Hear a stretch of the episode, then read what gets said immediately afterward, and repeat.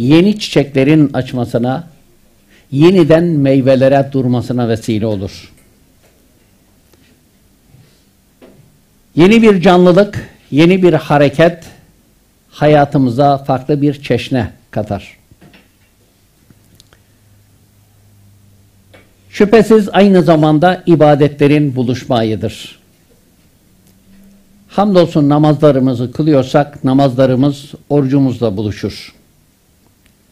İki ibadetin buluşması gücü artırır.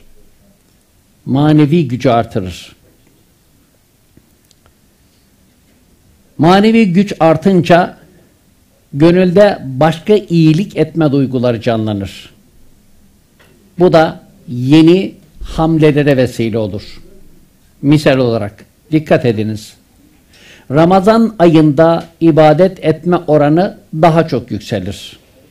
Ramazan ayında iyilik etme, tasaddukta bulunma duygusu da canlanır. En çok insanlar Ramazan ayında umreye giderler. En çok insanlar Ramazan ayında zekatlarını verirler. Zekat Ramazan ayında verilecek diye bir kaide yoktur. Ama ne eder eder ya öne çekerler bir şey ederler zekat verme mevsimini dolayısıyla Ramazan ayına ayarlarlar. Böylece namaz, oruç, zekat, sadakayı fıtır hatta yer yer umre hepsi birden Ramazan ayında buluşur.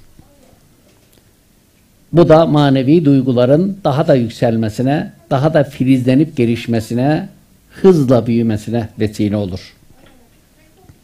Evet, duyguların canlandırılmaya, üzerindeki tozların silinmesine, paslanmanın önlenmesine ihtiyacı var mıdır? Evet vardır. Aynı zamanda Ramazan ayı Kur'an ayıdır. Kur'an-ı Kerim'in nazil olduğu aydır. Kur'an-ı Kerim'in bütününün tekrar ediyorum levh-i mahfuzdan Beytül İzze'ye nazil olduğu aydır. Burada bir bilgi tasdihine ihtiyaç var. Onun için tekrar dönme ihtiyacı hissettim. Genellikle biz Ramazan ayında Kur'an'ı indi deyince Kur'an-ı Kerim'in Hira Cebeli Nur'da Peygamber Efendimiz'e ilk inişinin kastedildiğini zannediyoruz. Ramazan ayında Kur'an-ı Kerim bütünüyle levh-i mahfuzdan dünya semasına Beytül İzze'ye indirilmiştir. Ve bu Kadir gecesidir. Kadir gecesindeki indirilişten murat bu indiriliştir. İnna enzelnahu fi leyletin mübareke biz onu mübarek bir gecede indirdik denirken İnna enzelnahu fi leyletil kadr biz onu Kadir gecesinde indirdik derken bu kastedilir. 27. gece indirilme ihtimali yüksek olan indirme budur.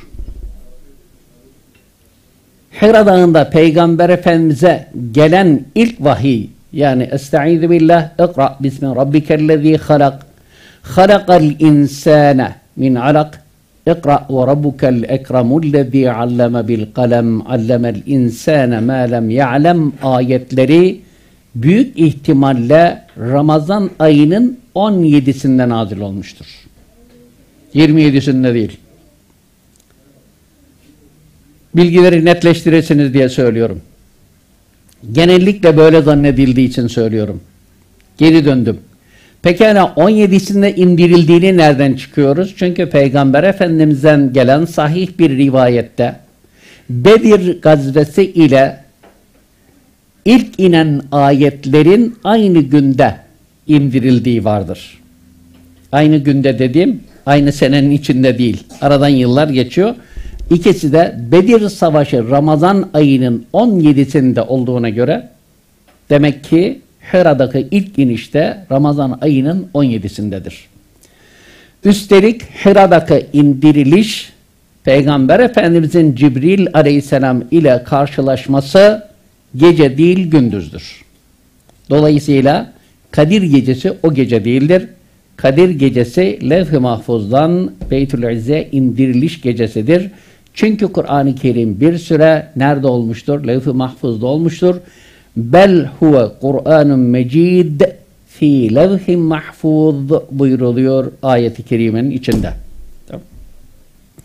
Dolayısıyla Kur'an-ı Kerim aynı zamanda hem bu indirilişi sebebiyle Ramazan ayında indirilmiştir. Şehr-i Ramazanellezî unzile fihil Kur'an hem de en çok Ramazan ayında okunmuştur.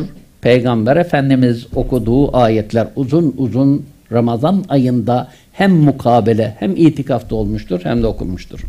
Dolayısıyla Ramazan ayı aynı zamanda o da ecir kazandırdığı için ibadetten, zikrullah'tan bir parça olduğu için Kur'an tilavetiyle de buluşma ayıdır.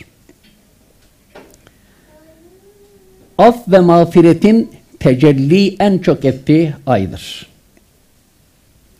Mağfiretin kullar üzerinde en çok tesirini gösterdiği, gönüllerde samimiyetin filizlendiği, samimiyetin de mağfiret çekici olduğu yine bu aydır. Unutmayalım. Kur'an-ı Kerim'deki ifadeler tekrar edildikçe, anlaşılmaya çalışıldıkça, dile geldikçe bazen önünüze hayallerinizi bile zorlayan çok farklı manalar çıkıyor. Bu da bir okuyuşta, iki okuyuşta bazen kendiliğinden gelmiyor. Bazen hayretler edersiniz. İmam Şafii rahmetullahi aleyh icma ile ilgili delil bulabilmek için inanın Kur'an-ı Kerim'i 300 kere hatmettiğini söyler. Bunun misallerini vereceğim bir iki tane. Fazla üzerine durmayacağım ama tekrar tekrar hem sevap ecir niyetiyle okunmalı hem de ufuk genişliği niyetiyle tekrar tekrar müracaatında daima fayda vardır. Bundan 15 gün önce olacak Kur'an-ı Kerim'i tekrar okurken bir şeye rastladım. Daha önce şunu bir vurguladıydım. Oraya bir geri döneyim. Genellikle Resulullah sallallahu aleyhi ve sellem Efendimizin Hud suresi saçlarımı ağarttı dediğini biliyoruz. Şeyyerbetni sureti Hud diyor. Pekala bu ayet hangi ayettir? Festakim kema umirte. Emredildiğin gibi dosdoğru ol ayeti. Buraya kadarını biliyoruz. Pekala devamını niye okumuyoruz? İslam'ın ilk emri nedir? Oku. Devamını niye okumuyoruz? Seni yaratan Rabbinin adıyla oku. Bizim başımıza ne geldiyse Rabbinin adını unutarak okuyanlardan geldi. Neden Rabbinin adıyla, yaratan Rabbinin adıyla oku diye bütününü ayetin söylemiyoruz? Bunun gibi. Festakim kema umirte. Emredildiğin gibi dosdoğru ol. Tamam. Sana tabi olanlar da dosdoğru olsunlar. وَمَنْ تَابَ مَعَكْ diyor devamında. Yani ümmeti Muhammed de sana uyanlar da onları da hak yola, doğru yola sevk et. Aşırılıklardan, ihmallerden, inkarlardan uzak olacak bir ümmet oluştur. Allah Resulü'nün saçını asıl ağartan dilim budur. Bir kelime daha var orada çok önemli. وَلَا تَتْغَوْ Sakın azgınlaşmayın. Haddi aşan insanlar olmayın. Ayetin bütünü düşününüzde çok farklı. Derinliğine gitmeyeceğim. Şimdi yeni ayete geliyorum. Musa aleyhisselam 600 küsür bin insanı alarak Sina Yarımadası'na geliyor. Allah'ın emriyle içlerinden 70 kadar insanı seçiyor, Tur Dağı'nın yanına getiriyor. Sonra kendisi iştiyak ile yamaçları tırmanıyor, Rabbinin kelimi muhatabı oluyor. Bu sırada Harun Aleyhisselam'ı başlarında bıraktığı milletin içerisinde Samiri diye birisi var. Bu Samiri aklına bir şey geliyor.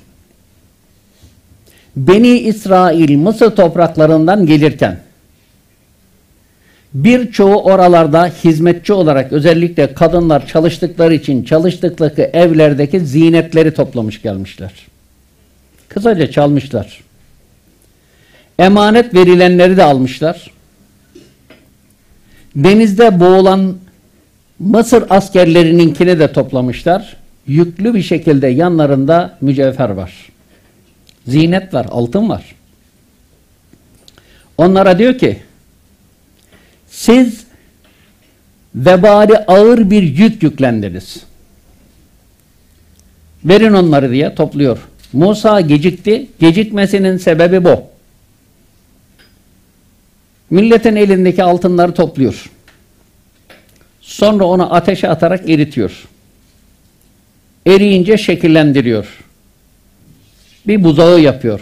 Oldukça iri, sıradan küçük bir buzağı değil. Bir buzağı yapıyor. Rüzgar vurup ses girdikçe ses çıkaran, böğüren bir buzağı yapıyor. Arkasından diyor ki ilahınız bu. Esasen Harun'un da Musa'nın da ilahı buydu. Farkına varmadı. Gitti dağın tepesinde arıyor. Bir de biliyorsunuz yolda gelirken buzağıya tapayan bir kabile görüyorlar. Onların diyorlar nasıl taptığı bir ilah varsa, heykeller varsa bizim de olsun diyor millet. Musa aleyhisselamdan az arıyorlar. Zihnin bir kenarında da bunun olduğunu tahmin ediyoruz. Geri geldim. Musa aleyhisselam gelince öfkeyle Harun'a saldırıyor. İnsan bazen öfkeyle beşeriz. Ne yapacağı belli olmaz. Bazen kendisini yumruklar. Başına vurur. Kendisine başkasını vuramayacağı hızda bağrını döver, döşünü döver. Bizim orada bir kadıncağız öfkemden kızmış birisine öfkemden ellerimi yuma demiş. Ona takılmak için ellerini ağızlarına götürürlerdi. İnsan kendi ellerini yer mi, ısırır mı, ısırır. O da hiç suçu olmayan Harun aleyhisselam, Harun çırpınıyor aslında onları men etmek için, ona saldırıyor. O da annem oğlu, başımı da sakalımı da bırak diyor. Uğraştım ama olmadı. Üstlerine daha fazla gidemedim. Millet birbirine düşmesin, birbirini kırıp geçirmesin diye. Öfkesi biraz yatışınca asıl suçluya yöneliyor. Samiri'ye neden böyle davrandın diyor. Samiri ne cevap veriyor? Ben başkasının görmediğini gördüm diyor. Geri döndük. Bu kelime çok önemli. Çok kere kaç kere okudum ben de bilmiyorum. Ama bu kadar dikkatimi çekmemişti. Başkası dediği kim? Kendinden başka herkes. Bunların içerisinde kim var? Harun Aleyhisselam da var. Allah'ın nebisi var. Musa Aleyhisselam var. Allah'ın Resulü var. Kelimullah var.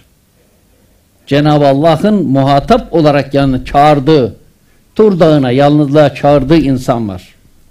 Musa'nın da görmediğini, Harun Aleyhisselam'ın da görmediğini, diğer insanların da görmediği bir şeyi kim görmüş? O görmüş.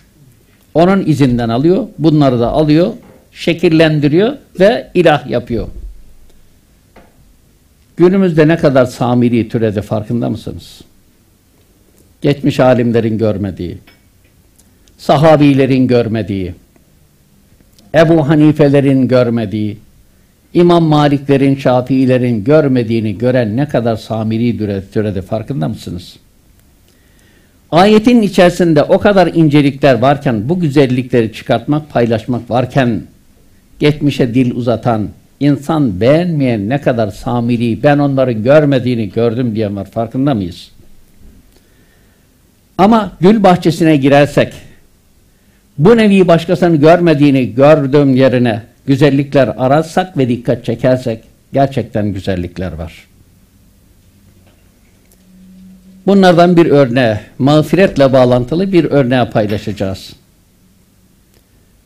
Anlattığım hadise kısa şekliyle İbn Kefir tefsirinde var.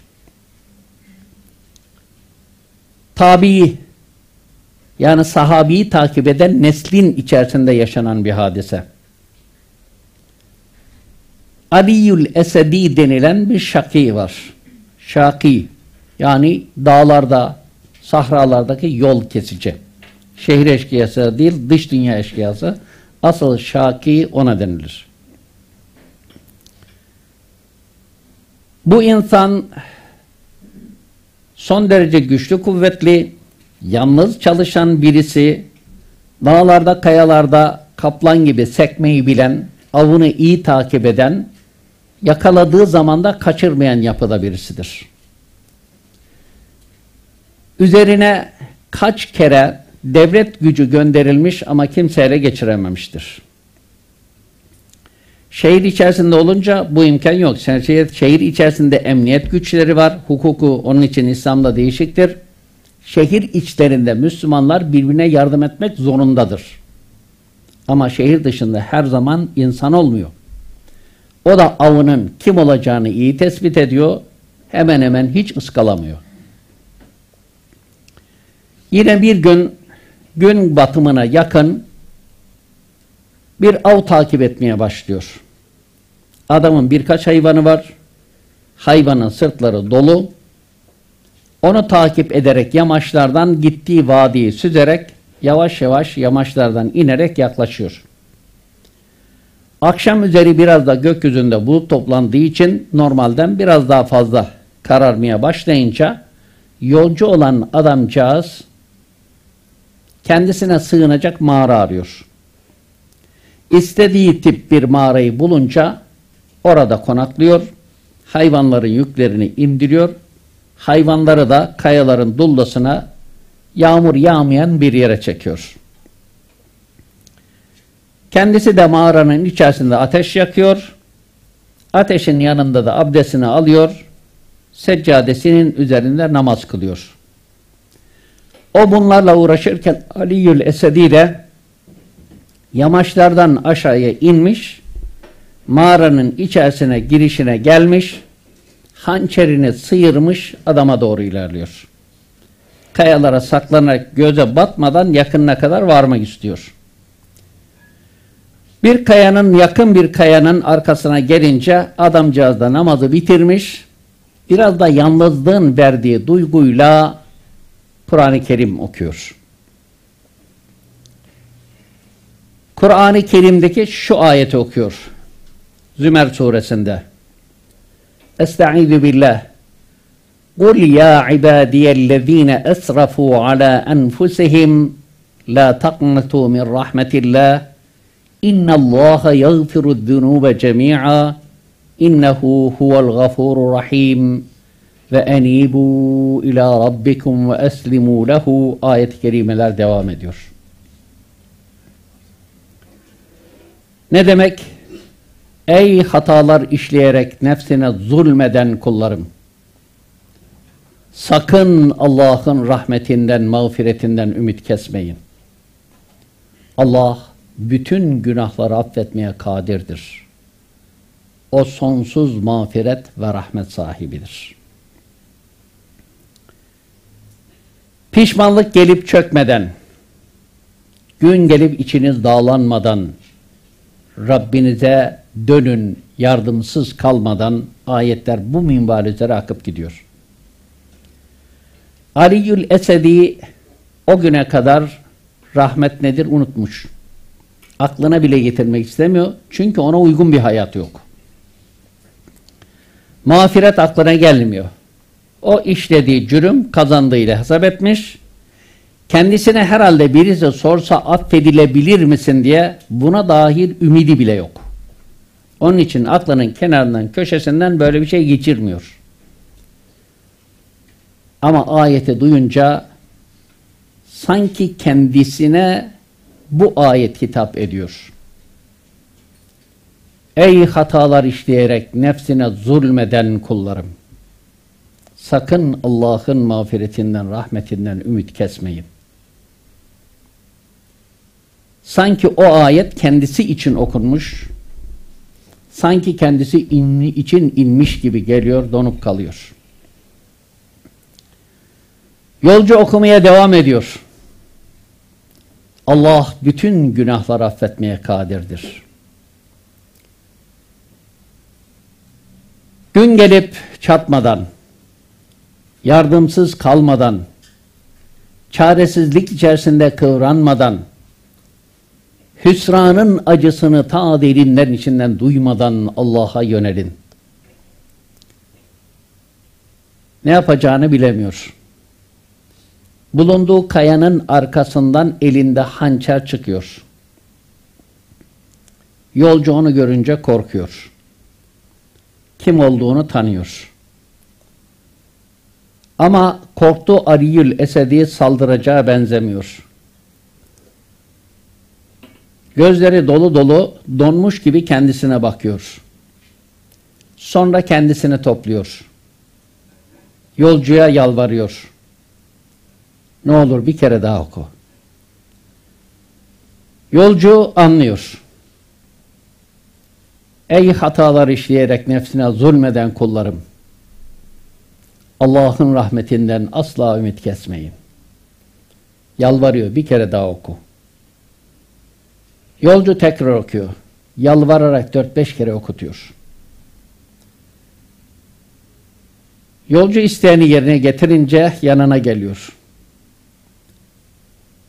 Elinden hançeri alıyor, onu kucaklıyor. Sonra yolcunun yanına oturuyor. Ben ne yapacağım şimdi diyor. Yolcu ona anlatıyor.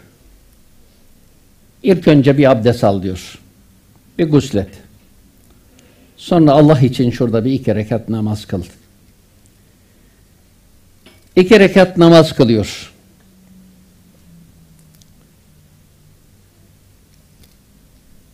Sonra ona şöyle diyor. Sabah namazında Mescid-i Nebiye var. Alaca karanlık da var. Kimse seni tanımadan var. İyi ki o günlerde sokak lambaları yok. Aliül Esedi insanların tanıdığı birisi. Ve hepsinin de öfke duyduğu birisi. Ebu Hureyre mihrabın şu tarafında namaz kılar. Oraya yakın bir yere otur. Namaz bitince insanlar birbirini tanımaya başlar. Ortalık biraz ağrır. İnsanlar seni tanımadan önce Ebu Hureyre'nin elini tut. Ona kendi rızan ile geldiğini, geçmişine tevbe ettiğini söyle.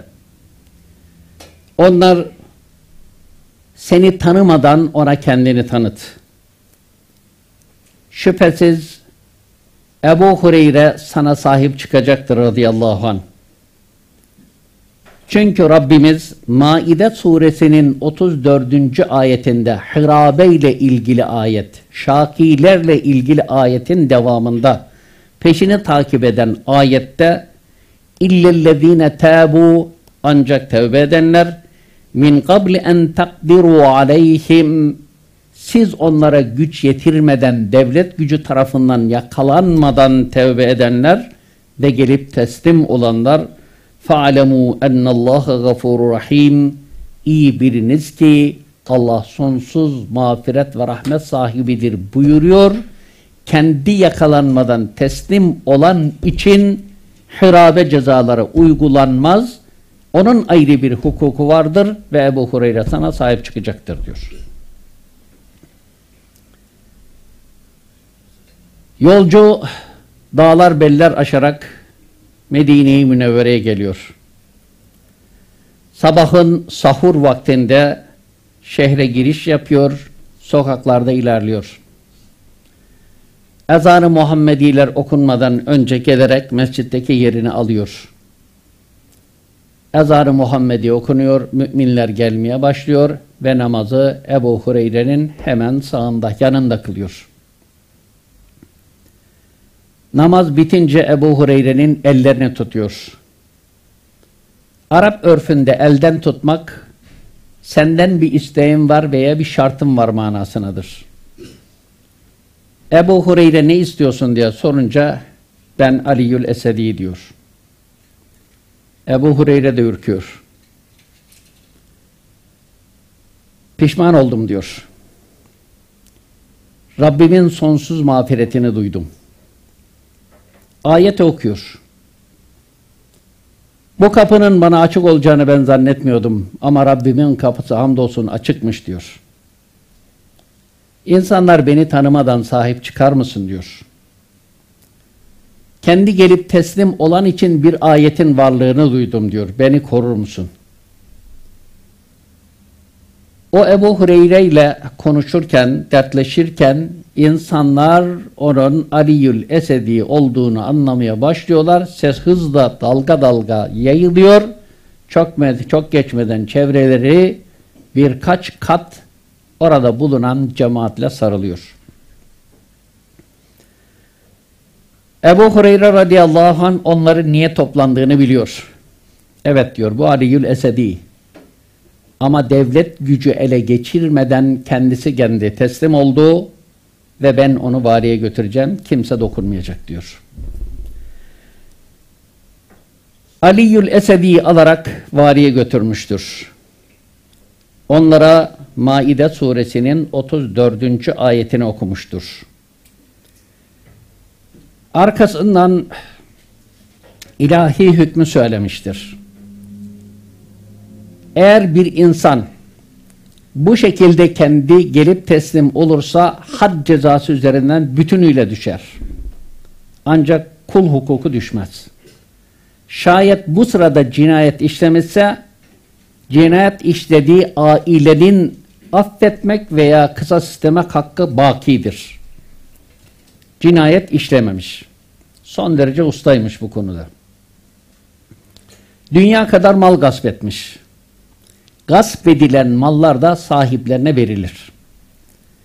Verilemeyen mallar depolanır, sahibi aranır. O da ortaya çıkmasa tasadduk edilir. Hükmü budur ve bütün bunlar uygulanmış. Sonraki yıllarda Aliyül Esedi İslam ordusunun içerisinde görüyoruz. Müthiş bir insan, hani Pars gibi, dağ aslanı gibi bir mücahit. Hakkında çok derin bilgi bulmakta zorlanıyoruz. Ama az da olsa var. Sonra Ariyül Esedi'yi Akdeniz'de İslam donanmasının içinde görüyoruz. İslam donanmasıyla Bizans donanmaları birbirine yaklaştığında o yıllardaki gemiler biliyorsunuz çok büyük değil ve o yıllardaki gemilerde ateşli silah yok. Bu yüzden ilk önce uzak menzilli yani büyük yaylı ok atışları başlar. Sonra seri atan küçük ok atışlarıyla mücadele devam eder. Bu sırada gemiler birbirlerine giderek yaklaşır. Gemiler iyice yaklaşınca mızraklar devreye girer. Ama bir taraftan da her gemi karşıdaki gemiye kanca atar. Kanca takılınca iki gemi iki tarafta çeker, giderek iyice yaklaşır. Gemiler birbirine bağlanınca, rampalanınca artık sistem bağlanır. iki gemi bütünleştir. İki gemideki asker, asker göğüs göğüse bir mücadeleye girer. Kılıç kılıca. Mızrak mızrağa, topuzsa topuz mücadeleye girer. Bu Bizans'ın en güçlü olan gemisi yaklaşırken, kancalar atılmışken, gemiler birbirine rampalayacakken daha rampalama tamamlanmadan dayanamayan Ariyül Esedi karşı gemiye atlamıştır. Gemideki askerleri geminin gerisine kadar sürünce, o kadar asker de bir yere toplanınca gemi alabora olmuştur. Bir gemi Bizans askeriyle sularda boğuşarak Akdeniz'in sularında kaybolmuştur. Dünün şakisi deniz şehidi olmuştur. Kaynaklarımızda gelen bilgiye göre herkesin fazileti ayrı ama aynı şartlarda olunca deniz şehidi kara şehidinden daha fazilet olarak daha üstündür. Cenab-ı Allah dün affı ve mağfireti unutan Aliyül Esedi'ye deniz şehitliği nasip etmiştir. Şu bir gerçektir. Cenab-ı Allah'ın mağfiret kapısı kimseye kapalı değildir. Ömür devam ettikçe bu kapı açıktır. Onun için hayatta olan insana lanet edilmez. Ama küfür üzere ölen insan artık lanetlik bir insandır. Bu yüzden Peygamber Efendimiz batıl zihniyete, batıl fikre, düşünceye lanet eder, yanlış davranışlar lanet eder ama yaşayan şahsa lanet etmezdi. İlahi bir vahiy gelmediği sürece. Onun için mağfiret kapısının daima açık olduğunu bilelim. Ramazan'da çok çok daha açık olduğunu bilelim. Çünkü Resulullah sallallahu aleyhi ve sellem Efendimiz bir insan Ramazan ayına erişir de sağlık, sıhhat, selamet içerisinde Ramazan ayını geçirirse ve Cenab-ı Allah'ın mağfiretini elde edemezse yazıklar olsun diyor. Çünkü fırsat çok, imkan çok, ibadet imkanı çok, duygular taze ve canlı. Demin de dile getirdiğim gibi yeni bir bahar, yeni çiçekler ve tazelenmiş duygular var. Onun için Ramazan ayı hem tevbeler için, mağfiret için, ecir kazanmak için son derece uygun bir mevsim, son derece manevi taze bir bahar.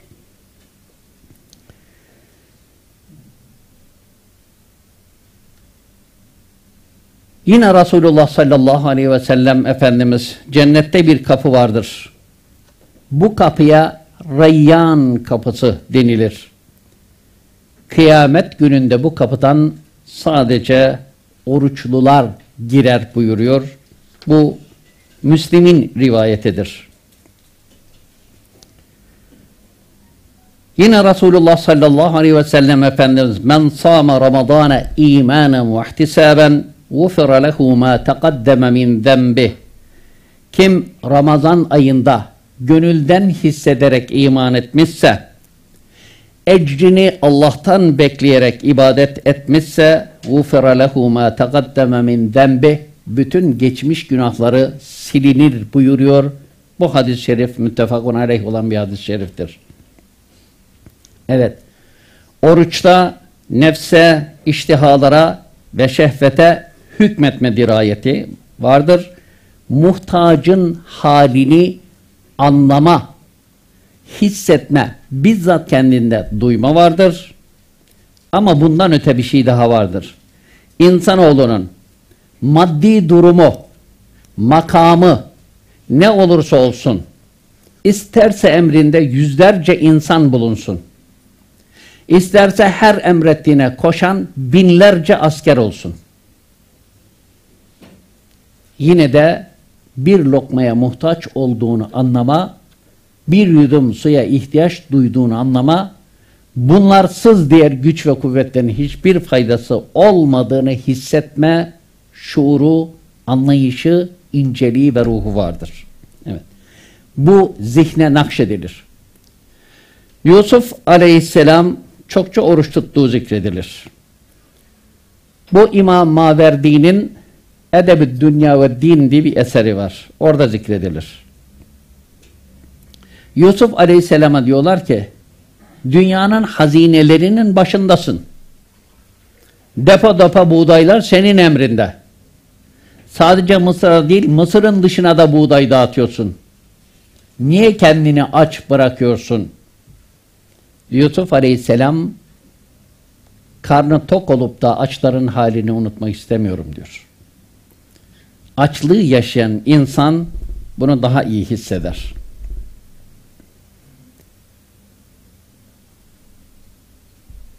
Biliyorsunuz bizim son Şeyhül İslam'ımız, ondan sonra iki aylık Şeyhül İslam'lık yapan var ama bizim zihnimizde hep son Şeyhül İslam'ımız olarak kaldı. Mustafa Sabri Efendi var.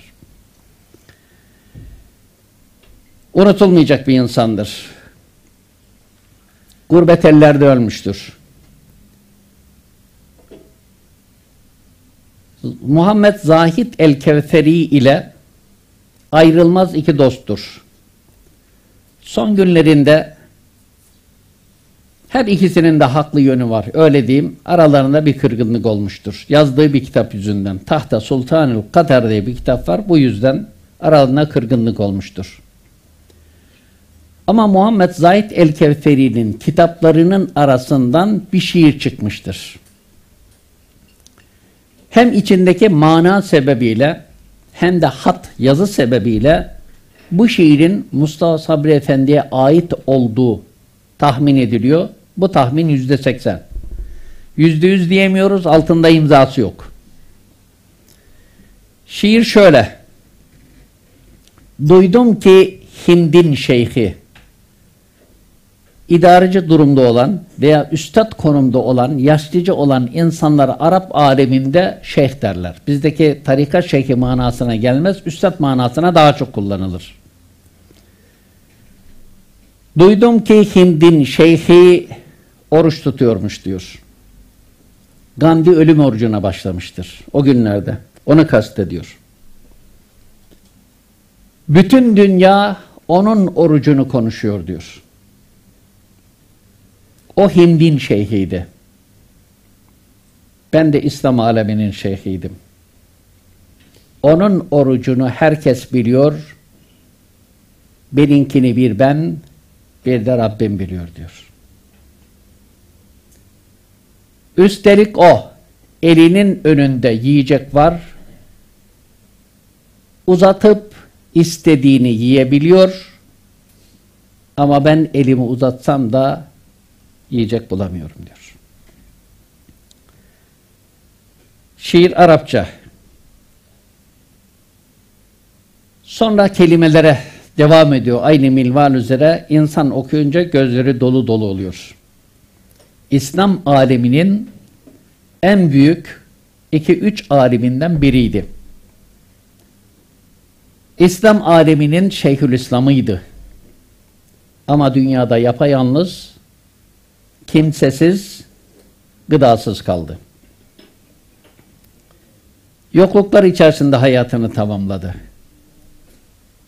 Aynı şey sultanlar için de, Vahdettin için geçerliydi. Gömülecek toprak bile bulmakta zorluk çekti. Haliyle mecbur kalıp oruç tutanların olduğu, yiyecek bulamayanların olduğu, bir yudum su bile bulmakta bazen zorlanıldığı anları yaşayanlar oldu. Bütün bunları hissetmek için evvela insanın kendi dünyasında da bunları yaşamasının faydası vardır. Ama önden öte bir şey var. Rabbim ben yemiyorum. Niçin? Sen emrettiğin için. Ya Rab su içmiyorum. Nefis istiyor.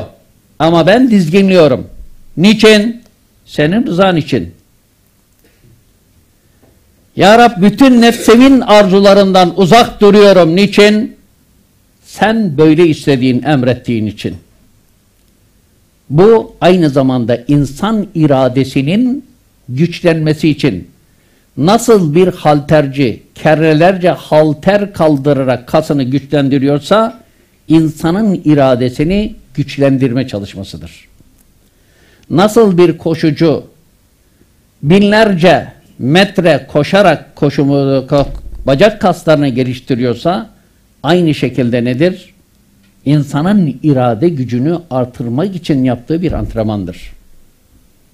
İsteyince dur derim, isteyince yürü derim. Bunun için yaparım, Rabbimin rızası yaparım. Bu imkanı ve bu fırsatı veren bir ibadettir aynı zamanda oruç. Zaman zaman soruyorlar. Asıl saadetteki oruçlar nasıldır diye. Ben bir tanesini anlatayım. Ama anlatacağım Ramazan orucu değil. Onu ayrıca zikredeceğim. Bize gelen bilgilere göre sahabilerin en zengini Abdurrahman İbni Avf'tır. Biz genellikle Ebu Bekir Hazretlerini biliriz. Ebu Bekir Hazretleri varlıklı bir insandır. Bunda şüphe yok. Ama gelen bilgileri üst üste koyduğumuzda, elediğimizde ortaya çıkan herkesten daha zengin olanın Abdurrahman İbni Avf radıyallahu anh olduğu, belki ondan sonra Hazreti Osman'ın geldiği ortaya çıkıyor. Abdurrahman İbni Avf radıyallahu anh çokça oruç tutan bir insandır. Bir gün sahabilerden sonraki nesil onu da tanımayan birisi tavafta uzunca boylu bir insandır. Yani yapılı bir insandır Abdurrahman İbni Avf. Uzunca boylu yapılıca bir insanın tavaf ettiğini, çevresindeki insanların ona karşı hürmetkar davrandığını ama o yalnız başına tavafına devam ettiğini, tavafında da Ya Rab, beni nefsimin cimriliğine ne olur terk etme diyerek dua ettiğini zikrediyor. Dikkat çekmiş niye böyle dua ediyor diye. Tavafı bitirince kenardakilara soruyor, tanındığını da anlıyor milletin davranışından. Bu insan kim diyor? Niye soruyorsun, tanımıyor musun diyor. Ya diyor tavaf ederken ya Rab beni nefsimin cimriliğine bırakma diye dua ediyor. Birkaç kere tekrar etti. Dikkatimi çekti diyor. Tanımadır mı demişler. O Abdurrahman İbni Avf. Şimdi bundan bir şunu anlıyoruz. Her insanda fıtratında bu var. Malı elinde tutma duygusu var. Ama o Rabbine sığınıyor ve malı da elinde tutmuyor. Bir taraftan böyle birisi, diğer taraftan varlığıyla çevresine gerçekten iyilik ve ihsan yağdıran birisi. Yaptığı iyilikleri liste haline getirsen çok ciddi bir liste tutar. Yine oruçlu, çalışırken endamıyla, olgun tavrıyla ayırabilirdiniz ama çalışma hayatının içerisinde onu çalıştırdığı işçilerden ayıramazdınız diyorlar. Oruçlu olarak sık oruç tuttuğu için evine gelmiştir. Ezanı Muhammedi okunurken iftarını açmıştır, camiye gitmiştir. Evi camiye yakındır, Mescid-i Nebi'ye yakındır. Namazdan sonra gelmiştir, onun için sofranın hazırlandığı odaya girmiştir. Odaya girince birden duraklamıştır, gözleri dolu dolu olmuştur. Önünde zengin bir sofra var. Biz olsaydık herhalde sevinçten tekbir getirdik. Bekir Haki Efendi için anlatırlar. Allah rahmet eylesin. 120 yaşlarında vefat etti. Bekir Haki Efendi son devrin en iyi muhaddislerinden biriydi. Çaya çok düşkünmüş. Çayı çok severmiş. Onu da sık sık alır. Semaver li çaya götürürlermiş. Semaveri görünce tekbir getirirdi diyorlar. Biz de öyle bir sofra görsek tekbir getiririz ama bizim sofralarımızın ondan aşağı olacağını hiç de zannetmiyorum. O sofrayı görünce gözleri dolu dolu olmuştur. Dilinden dökülen kelimeler şudur. Musab kardeşim benden daha hayırlıydı. Yine sahih rivayetten birinden yer alan bir rivayette Hamza radıyallahu anh'ı da zikreder. Hamza kardeşim de öyleydi.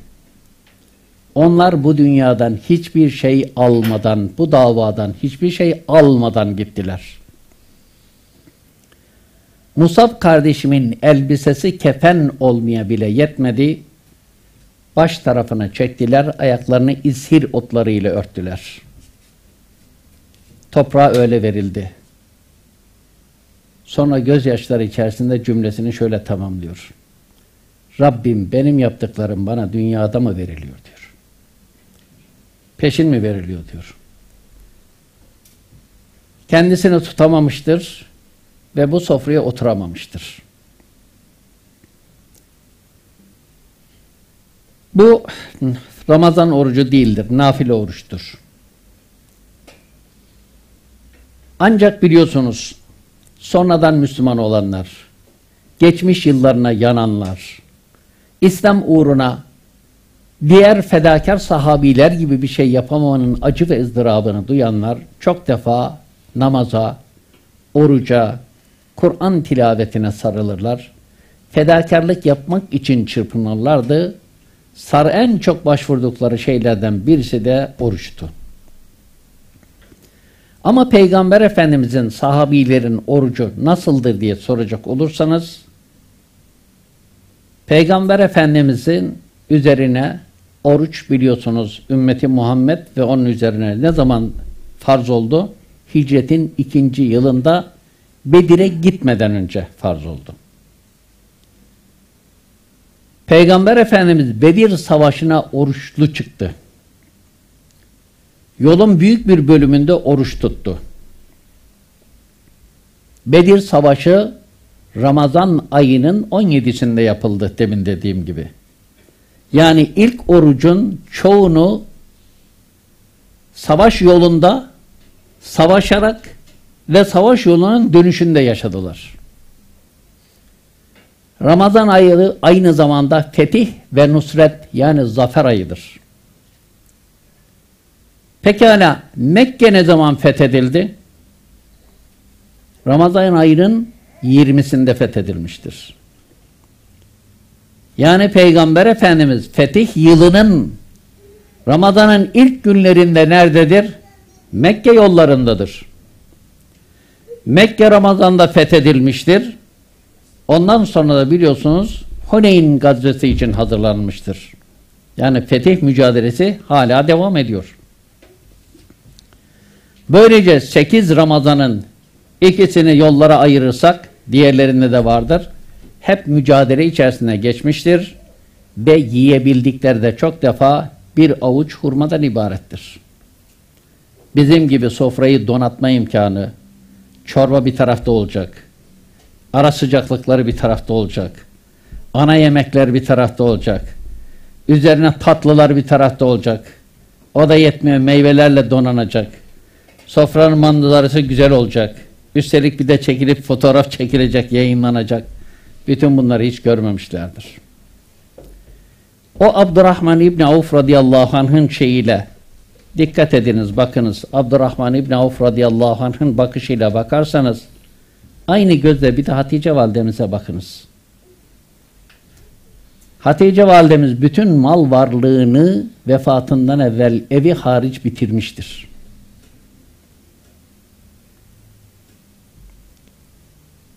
Sekiz ay sonra vefat etmiştir muhasara yılından. Muhasara yılında bütün evinin dışındaki mal varlığını nakde çevirmiştir ve maddi durumu zayıf olan müminlere dağıtmıştır. Çoluk çocuğunuza gıda alın, çocuğunuz gıdasızlık çekmesin diyerek her şeyi bitirmiştir. Ve bu dünyadan hiçbir şey almadan gitmiştir. O Bedir zaferini görmemiştir. O Hendek zaferini görmemiştir. O Mekke'nin fethini görmemiştir. O nice acıları, sıkıntıları görmemiş, görmüş, çekmiş çilesini ama onların meyvelerinin toplandığı yılları insanların akın akın İslam'a geldiği günleri hiç görmemiştir. Şüphesiz ecrini alacaktır. İyi ki mükafat günü var. İyi ki ebedi dünya var. İyi ki, rayyan kapısı var. İyi ki Cenab-ı Allah'ın oruçların mükafatı bana aittir dediği o müjde var. İyi ki Allah'ın huzuruna alnı açık çıkma imkanı var. Cenab-ı Allah o günleri alnı açık olarak yaşadıktan sonra oraya varanlardan eylesin. Gelen Ramazan'ı hakkımızda hayırlı eylesin. Mağfiriyete, nailiyet ayı eylesin. Bilgilerimize bilgi, duygularımıza duygu, ecrimize ecir katıldı. Bilgimizin arttığı, şuurumuzun ziyadeleştiği, yeniden gönlümüzde ve zihnimizde tazelendiğin hissedildiği günlerden eylesin. Rabbim ecrini dizi bol eylesin. Yuvalarınızı feyiz ve bereketle doldursun. Taatini nasip eylesin mağfiretten. Nasiplendirsin. Bizi masiyetlerden uzak eylesin. Rabbim bizi kendinden başka kimselere muhtaç eylemesin. Kardeşlik duygularımızı filizlendirsin. Cenab-ı Allah'ın selamı, feyzi ve bereketi üzerinize olsun. Çok şey bahsedilir. Burada noktalayalım. İnşallah daha sonraki günlerde nice güzellikler sizlerle beraber olsun. Evet. Eyvallah. Hocam teşekkür ediyoruz. Ağzınıza gönlünüze sağlık. Değerli dostlar sohbetimizin ilk bölümü sona erdi. Şimdi inşallah soru cevap e, bölümüne geçeceğiz.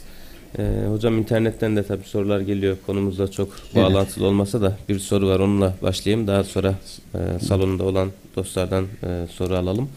E, saç boyası abdeste mani midir diye bir sual var. E,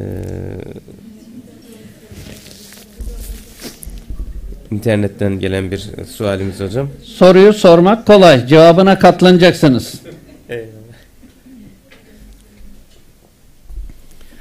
Saç boyalarının yüzde 95'i belki 99'u ben biraz aşağı indim. Yüzde 95'i sentetiktir. Sentetik boyalar saç kaplar. Yüzey kaplar. Ojenin tırnağın üzerine kapladığı gibi. Altına su geçirmez. Bunu sentetik boyayı üretenlerin kendisi söylüyor. Kulağımla duyduğum için söylüyorum. Telefonla bağ kurduğum için söylüyorum. Bizden bu isteniyor. Saçın yüzeyini kaplasın, saç dolgun görünsün, hem de rengi değişsin, hem de kolay taransın, daha şey dursun, birbirle karmaşarak durmasın diye böyle isteniyor ve biz böyle üretiyoruz. Bunun için üretiyoruz. Böyle olunca abdese değil gusle bile manidir. Mesela asıl gusül meselesidir. Bunun şu kıyası doğru değildir. Söyleyeceğim. Genellikle fetva veren arkadaşları, içinde tanıdığım arkadaşlar da var, gördüğüm için söylüyorum.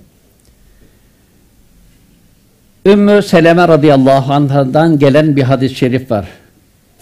Ümmü Seleme radıyallahu anh'a Peygamber Efendimiz örgülü saçlarını çözmesine gerek olmadığını söylüyor. Saçın dibine su ulaştırman yeterlidir, çözme diyor.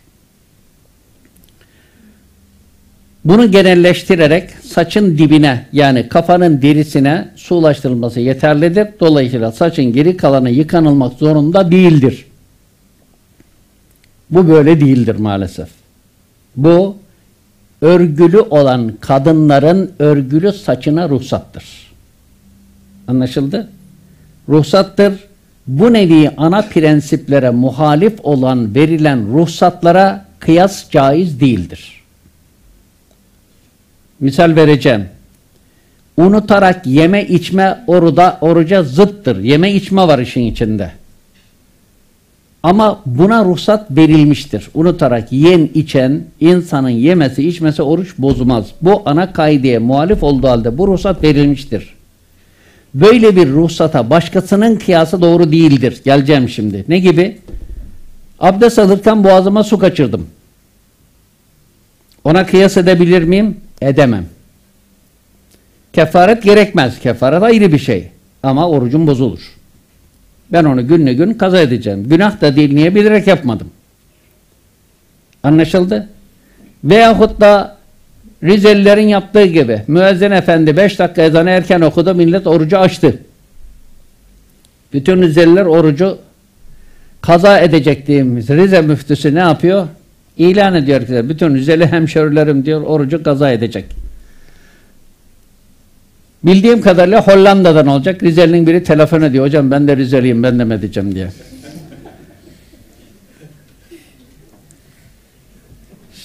Şimdi 5 dakika kalana kadar bekleyen insan 5 daha 5 dakika daha bekler. Bu insan orucunu bilerek mi bozdu? Hayır. Ama ne yapacak? Kaza edecek. Kıyas unutarak yemeğe kıyas edemiyoruz. Tabii millet Rizeli'ye çok gülünce epey gülen oldu zaten. Aynı şey Eyüp'te yaşandı. Eyüp'te müezzini durduruncaya kadar hayyâle salaha kadar okumuş müezzin. Açanın bir sürüsü de açmış zaten. Sonra durdurdular ama durdurma fayda vermedi.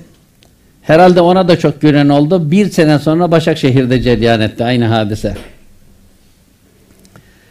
Geri döndük ta, tabii. Bunun gibi. Başka da var bu. Misal olarak söylüyorum yine. Koyun cinsinde şayet bir toklu diyelim.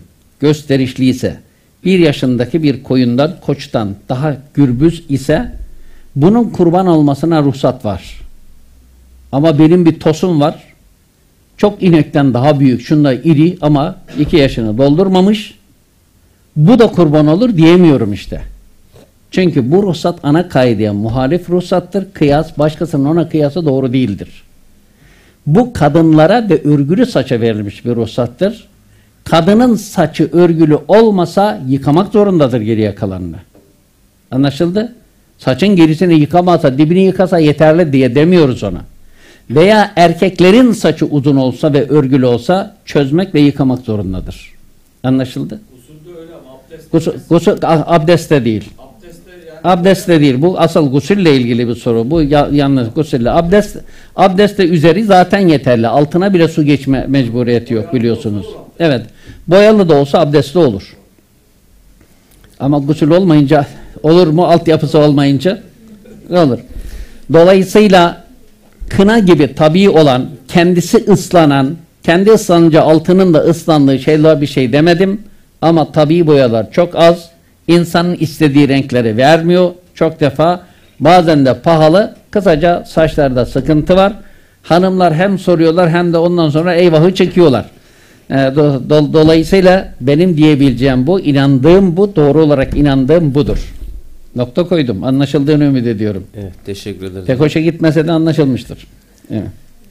Evet başka sual salonda bulunan arkadaşlarımızdan. Evet. Herkes her şeyi biliyor. Ee, konu çok iyi anlaşılmış hocam yani buradan o e, çıkıyor. şeyde Ramazan'daki sadaka fıtır meselesi. Ee, onun Mikrofonu e, şeyini al. nasıl miktarını Diyanet bir miktar açıklıyor ama 23 lira. onun bizdeki karşılığı nedir? Teşekkür ederim. Şöyle diyeyim tabi sadakayı fıtır aynı zamanda işte orucun diyet e, fidyesi ve benzeri aynı rakamlarda açıklanıyor. Bu sene duyduğuma göre kendim direkt görmedim 23 lira olarak açıklanmış. E, bu fiyat e, az bulunuyor ama az değil.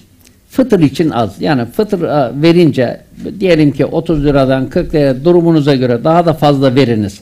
Ama aynı şeyi oruç fidyesine vurunca 23 lira fena bir fiyat değil. Ben daha az olduğu kanaatini taşıyorum. Söyleyeceğim şimdi. Bu hesap siz de o kanaata geleceksiniz ama fıtrayı az vermeyeceksiniz. Onu bir an- anlaşalım. Şöyle diyelim. Hesap nereden yapılır? Bir insanın ortalama ev yemeği üzerinden yapılır. Lokantada verdiği paradan yapılmaz. Geri döndük. Bir öğün. Bir öğün, ya iki öğün. Günlük yemek diyelim. Günlük yemek. Diyelim ki bir aile. Beş kişilik bir aile diyelim. Günde 20 liradan olsa yemek için ne vermesi lazım? 100 lira vermesi lazım. Beş kişilik bir aile. Tamam. 100 liraysa ayda ne yapar? 3000 lira yapıyor. Bir aile 3000 lira verir mi yemek için? Vermez. Yani 20 lira bile yüksek bir fiyat aslında. Ben bakıyorum. Adamcağızın ve kadıncağız oruç tutamıyor. Durumunu şey görünce sen diyorum diyelim ki 15 liradan ver diyebiliyorum. 23 lira ilanını yadırgamıyorum. Veya Diyanet hata işledi demiyorum. 23 lira şey değil ama iş oruç. Diyelim ki oruç tutamıyor. Fidyesini verecek. Ne oluyor? Hada durumu olunca bir insan bugün 15 lira bile ortalama biz yemiyoruz. İnsanın bir günlük yemeğine bakılmaz. Neye bakılır? Ortalamaya bakılır. Çünkü bugün idare ederiz. Çok ucuza mal ederiz. Atı geçiştiririz. Yarın kendimize iyi bir ziyafet çekeriz. Öbür gün bilmem ne olur ama ortalamada bir yemek vardır. Eğer yemek günde diyelim ki 10 liradan bile olsa dü- düşününüz 5 kişilik aile ne yapar? 50 lira yapar. Ayda 1500 lira yapar. Yani o- 10 lira da diyemiyoruz. Gönlümüz rahat etmiyor ama durumuna baktıkta zayıfsa kadıncağız bunu vermek zorundaysa ya çevremizde bu tip insanlar var. Oruç tutamıyor rahatsızlığı sebebiyle ona siz şöyle şöyle ver diyebiliyor Diyanetin bu rakamına rağmen. Ama iş e, sadakayı fıtır bunun gibi Ramazan'da 30 rama verilmiyor. Bir kere veriliyor. 5 kişi varsa ailede diyelim ki 40 liradan verseniz ne yapar size? 200 lira yapar. Kısaca bundan verilmesinde bir mani yok. Hesapta tekrar ediyorum. Sakın hep o diyor, sen bir lokantaya gitsen şu kadar parayı oradan çıkıyor musun üzerinden yapılmaz. Ama harcadığımızı da düşünürüz. Yani kendi kendimize diyebiliriz. Ya bir lokantaya gitseydim şunu verecektim. Allah için şunu vereyim. Hem hani derler ya halkımızın güzel bir başımızın gözümüzün sadakası olsun kabilinden. Bunlar bazen e, garip kelimelerdir ama güzel kelimelerdir. Verilmesinde ve Allah rızası için e, doyurucu olarak verilmesinde e, sıkıntı yok. Böyle davranılmasını arzu ve ümit ederim doğrusu. Evet. Böyle. Evet. Evet başka sual. Orada bir arkadaş. Mikrofonu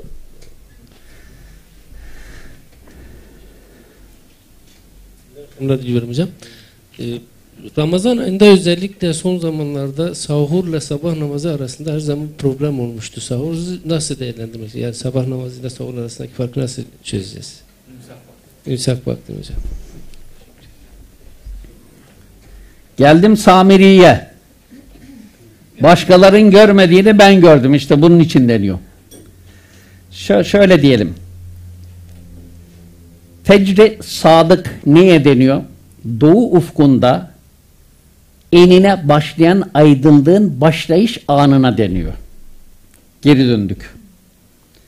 İki türlü fecir vardır. Bir fecri kadip, gelip geçicidir. Fazla sürmez. Bu biz sahura kalktığımız demlerde olan bir şey. Bu dikeydir. Gökyüzüne doğru dikey uzanır. Dış dünya aydınlanacak gibi gelir insana. Biraz sonra sabah oluyor dersiniz giderek kararır. Bayağıca bir kararır. Hatta onun için denir. Yani karanlığın en koyu zamanı fecre yakın olan zamandır denir. Fecr kâdip ile sadık arasında yaşanır bu karanlık devre. Sonra doğu ufkunda bir aydınlanma başlar. Bu da pat diye başlamıyor. Yavaşça başlıyor, giderek çoğalıyor ve yataydır. Diğeri gibi dikey değildir. Gökyüzü aydınlık değildir. Tekrar ediyorum. Başlangıç anı nedir? Doğu ufkunda aydınlık başlamıştır. Anlaşıldı? Gökyüzü karanlıktır. Bu ana fecr sadık denir. Bu zaman diliminde iki türlü vakit dilimi vardır. Bir, karanlığın aydınlığa hakim olduğu an buna galet vakti denilir gayn harfle.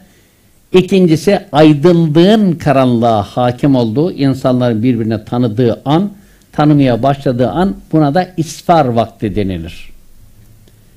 Şafiilere göre gales vaktinde sabah namazını kılmak daha faziletlidir. Hanefilerde isfar vaktinde kılmak daha faziletlidir. Niye İmam Şafii ile mezhepler nereden çıkıyor? İşte buradan çıkıyor. Bir misali size. İmam Şafii rahmetullahi aleyh diyor ki bir emir emrin yerine getirilme vakti geldiği an hemen yönelilir de yapılırsa hakkı eda edilmiş olur. Hem emri verene olan bağlılığı sadakat dolayısıyla ortaya konmuş olur. Hem de o emri bir an evvel yerine getirmekle kişi üzerindeki vazifeyi yerine getirir. Bu emre itaatın ve emre verene olan itaatın bir gereğidir diyor. Bu genel kaydı olarak doğrudur. Anlaşıldı? Bir namazı ilk yana ibadeti, ilk emri, ilk anında yerine getirmek daima güzel bir şeydir. İmam Şafii'ye söyleyecek hiçbir sözümüz yok. Pekala Ebu Hanife neden böyle davranıyor? Ebu Hanife rahmetullahi aleyh diyor ki sabah namazı diğer vakitlere benzemiyor. İnsanlar uyanacak. Diyelim ki temizliğini gerekirse duşunu alacak. Abdestini alacak. Abdesti için bir zaman geçiyor. Özellikle erkeklerde istibra olacak. Hazırlanacak. Giyinecek. Camiye gidecek. Belli bir zaman dilimi geçiyor. Camaz ilk anda kılınırsa birçok insan namaza gelemez. Galas vaktinde namaz kılınması cemaatin azlığı manasına gelir. Cemaat ne kadar çok olursa fazilet o kadar çoktur. Bunu teyit eden Resulullah'ın bir de hadisi vardır. Esfiru bil fecri fe innehu a'zamu lil ecri. Sabah namazını isfar vaktine bırakın. Bu ecir açısından daha faziletli bir vakittir buyuruyor. Dolayısıyla cemaatin çokluğunu temin için sabah namazının farkı sebebiyle isfar vaktine kılmak daha evladır der. Sabah namazına mahsus bir tek Müzdelife hariçtir. Orada herkes bir anda olduğu için Müzdelife'de gales vaktinde kırıldığında ittifak vardır. Tamam. Müzdelife'de karanlık vakitte kılınır. Şimdi böyle olması gerekirken ben kulağımla duydum. 1 saat 13 dakika diyor. 1 saat 13 dakika ne yapıyorlar? Millete çok oruç tutturuyorlar. Daha fazla oruç tutturuyorlar. Dolayısıyla 1 saat 13 dakika geç başlaması lazım. Bu da ne yapar size? 73 dakika yapar. 73 dakika sonra ufukta aydınlık başlamıyor. Gökyüzünün her tarafı aydınlık oluyor. Bu çocuk oyuncağı değil. Geriye de bir avuç zaman kalıyor. Peygamber Efendimiz sabah namazında 3-4 sayfa okuduğu var. Çıkınca birbirimizi o zaman tanırdık diyorlar. Sabah ezanı okunuyor. Allah Resulü kalkıyor. Abdestini alıyor. Namazını evinde kılıyor. Sonra uzanarak cemaatin birikmesini bekliyor. Camiye geliyor. 3-4 sayfada namazda yer okuyor. Ondan sonra insanlar dağılıyorlar. Birbirini tanımaya başlıyorlar. Arabistan'daki sabah namazının zaman dilimi Türkiye'dekinden kısadır. Evet daha zaman darlığı daha da- daha fazladır. Ekvatora yakın olanlarda gece gündüz farkı yaz kış e, kuzeyde olanlardan veya güneyde uzak olanlardan gibi değildir.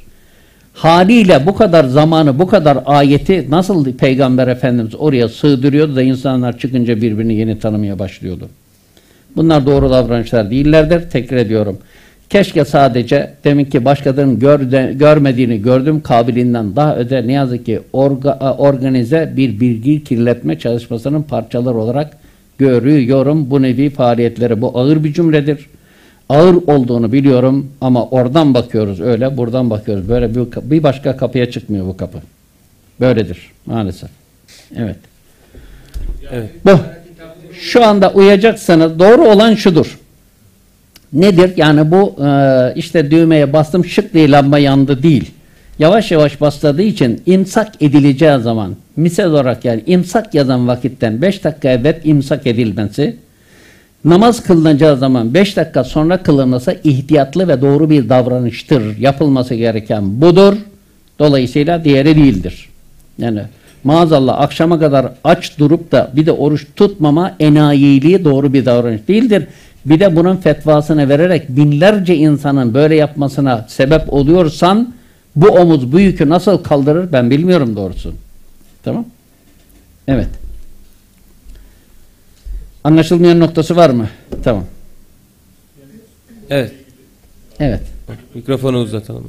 İmsa erken yapmak değil de imsa yapar yapmaz bazı insanlar namazı kılmak durumunda kalıyor. Kılmasın yani kılma bir tehlikesi var. O İşte o da, o da onun içindedir. Namaz kılınca imsaktan bir 5 dakika sonra kılmasında e, imsak edeceği zaman 5 dakika önce imsak etmesine fayda var. İhtiyata uygun olan budur.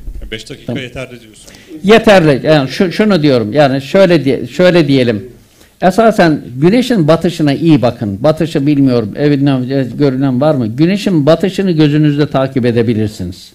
Yani çok da dolayısıyla 5 dakikalık bir süre bayağı bir ufukta e, dünya çok hızlı dönüyor. Biz farkında değiliz ama dünya biliyorsunuz 1666 e, e, kilometreyle hiçbir uçağın yani bugün yolcu uçaklarının hiçbirisi bu hıza ulaşamıyor. Ondan daha hızlı dönüyor. Evet. Onun için.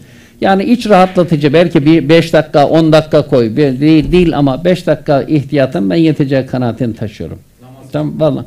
Namaz içinde oruç içinde. Oruç 5 dakika öne kaymalı. Namaz da 5 dakika geriye kaymalı. Tamam? Anlaşıldı değil mi? Evet. Allah razı olsun. Müsaadenizle e, bir e, soru daha sormak istiyorum. Tamam.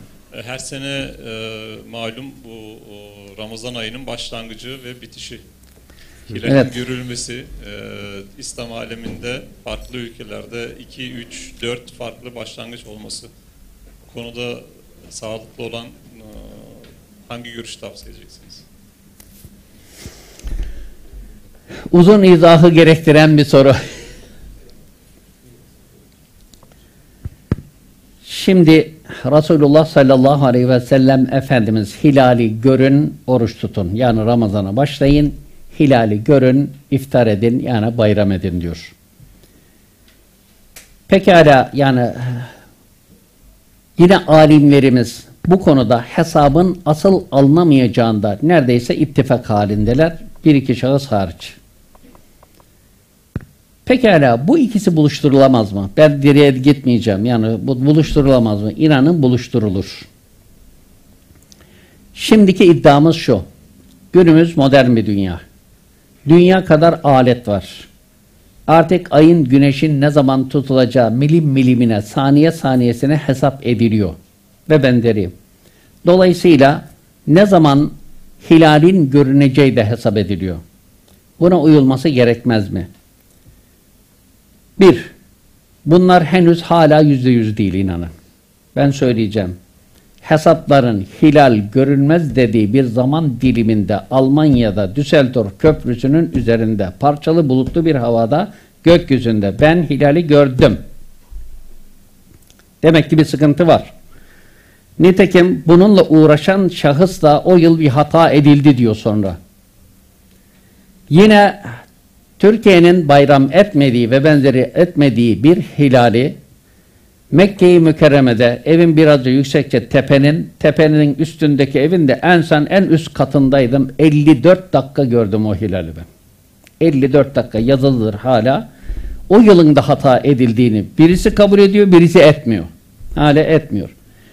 Kısaca bir kere hesapların bir doğru yapılması lazım. Bu tip sıkıntılar hep bu ülkede yaşandı. Bir de samimi yapılması lazım. Ama bütün bunları bıraktım şöyle. Geriye döndüm bir şey diyorum. Madem hesabımıza çok güveniyoruz. Bir kere kaideleri doğru koymamız lazım. Ne- Hilal nerede görülürse beni bağlar. Hesap gö- görülecekse beni bağlar. Bir kere sınırımız ne olmalı? Endonezya İslami bir devlet mi? Oradan başlamalı. Atlas Okyanusu'nda bitmeli. İslam ülkeleri orada bitiyor.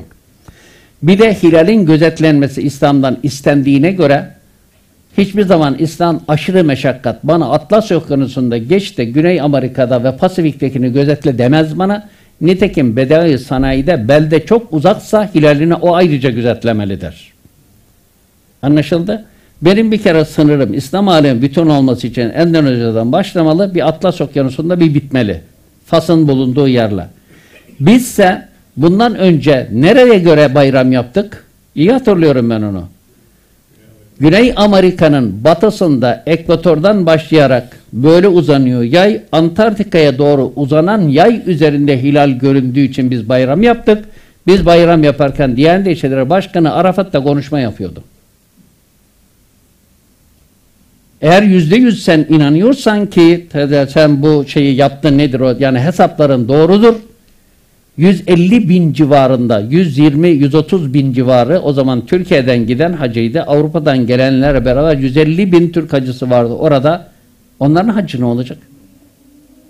Bu yükü nasıl kaldırıyor o zaman? Bir gün evvel gidecektin veya bir gün sonra gidecektin oraya.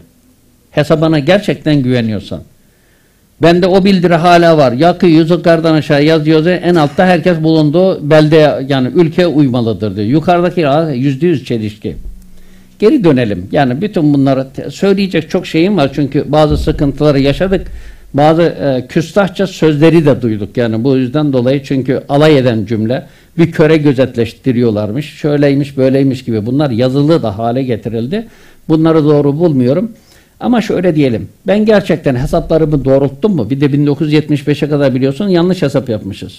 Bir de yanlış. Bu, bu kabul ediliyor. Yani itiraz edilmiyor, ikrar ediliyor. Geri döndük. İnanıyor muyum şimdi artık hesapları doğrulttum diye. Artık doğrulttuk diyorlar. Misal olarak söylüyorum. Cezayir'de mi görünecek diyor. Üç tane insan gönder Cezayir'e. Ondan sonra Cezayir'de görülecek, şurada görülecek. Üç ayrı yere üçer insan gönder. Oradaki insanlarla kaynasın, onlarla da alsınlar, görsünler. Bir de zoomlasınlar. Avrupa bunu yapıyor. Gemiciler için yapıyor. Gemiciler için önemlidir ay. Amerika bunu yapıyor. Sen de yap. Göster. Bir kere teknik aletler günümüzde işte çoğaldı demek doğru değildir. Çünkü teknik alet görülmeyen ayı da görüyor. Şöyle diyelim biz ayı ne zaman görüyoruz? Güneş battığında batı istikametinde görüyoruz. Batı istikametine kadar gündüz bizim üzerimizden geçti demektir onun manası.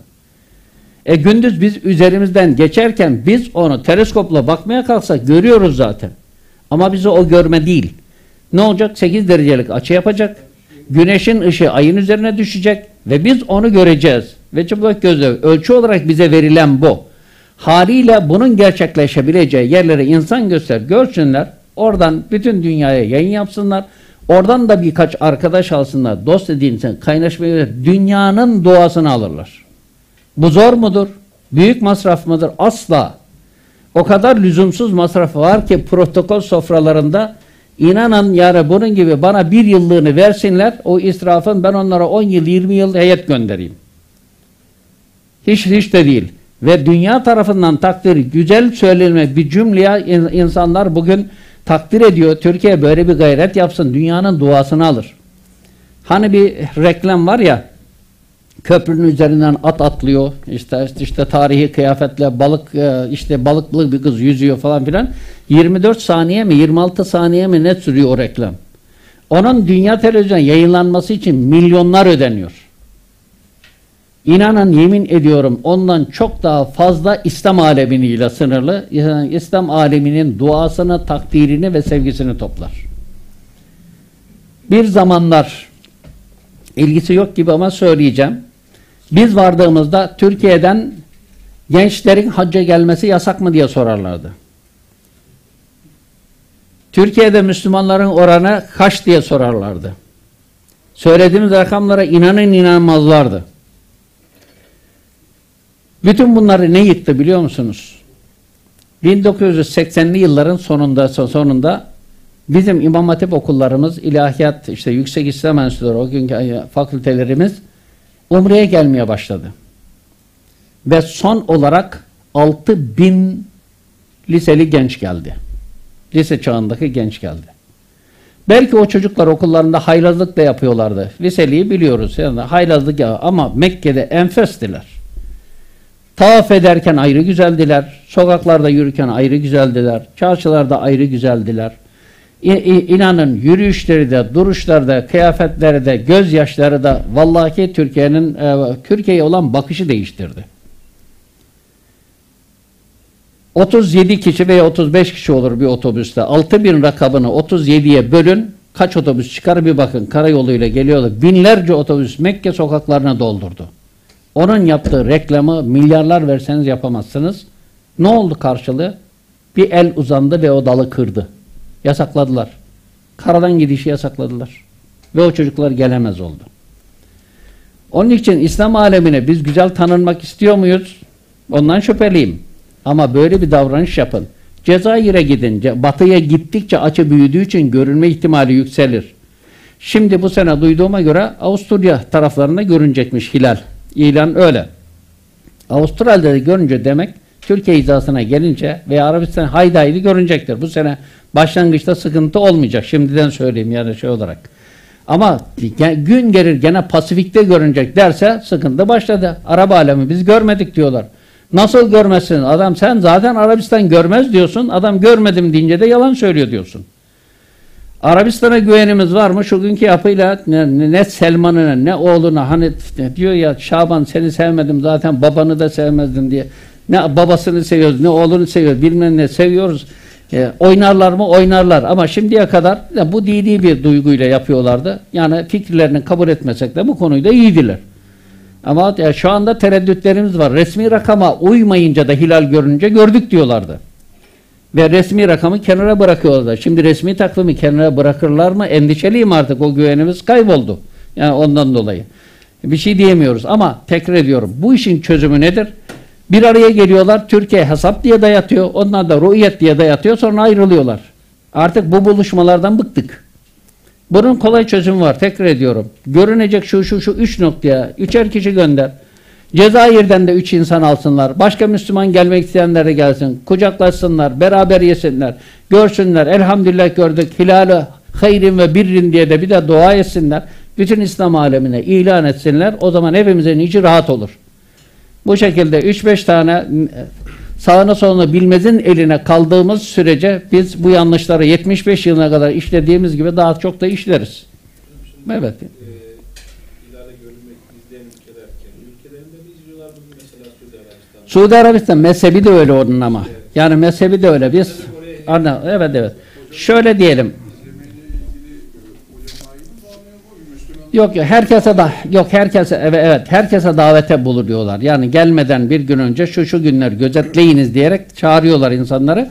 Tepelere de çıkıp insanlar bunu bir ibadet gibi e, kabul ediyorlar. Varsa bunun sorumluluğu Müslümanlara da kalıyor mu? Ta- Elbette elbette kalır çünkü yani biz e, idaremizden de biz sorumluyuz. Yapılmıyorsa bir şey aleni yapılmıyorsa hepimize belli bir oranda vebal e, intikal ediyor buradan dolayı. Evet. Evet. Son bir soruyla e, Evet. inşallah Hocam, tamamlayalım. Gerek sunumunuz için gerekse bu e, Ramazan'ın başlangıcı ve bayramın başlangıcı ile ilgili yorumlarınız için teşekkür ediyorum hasreten.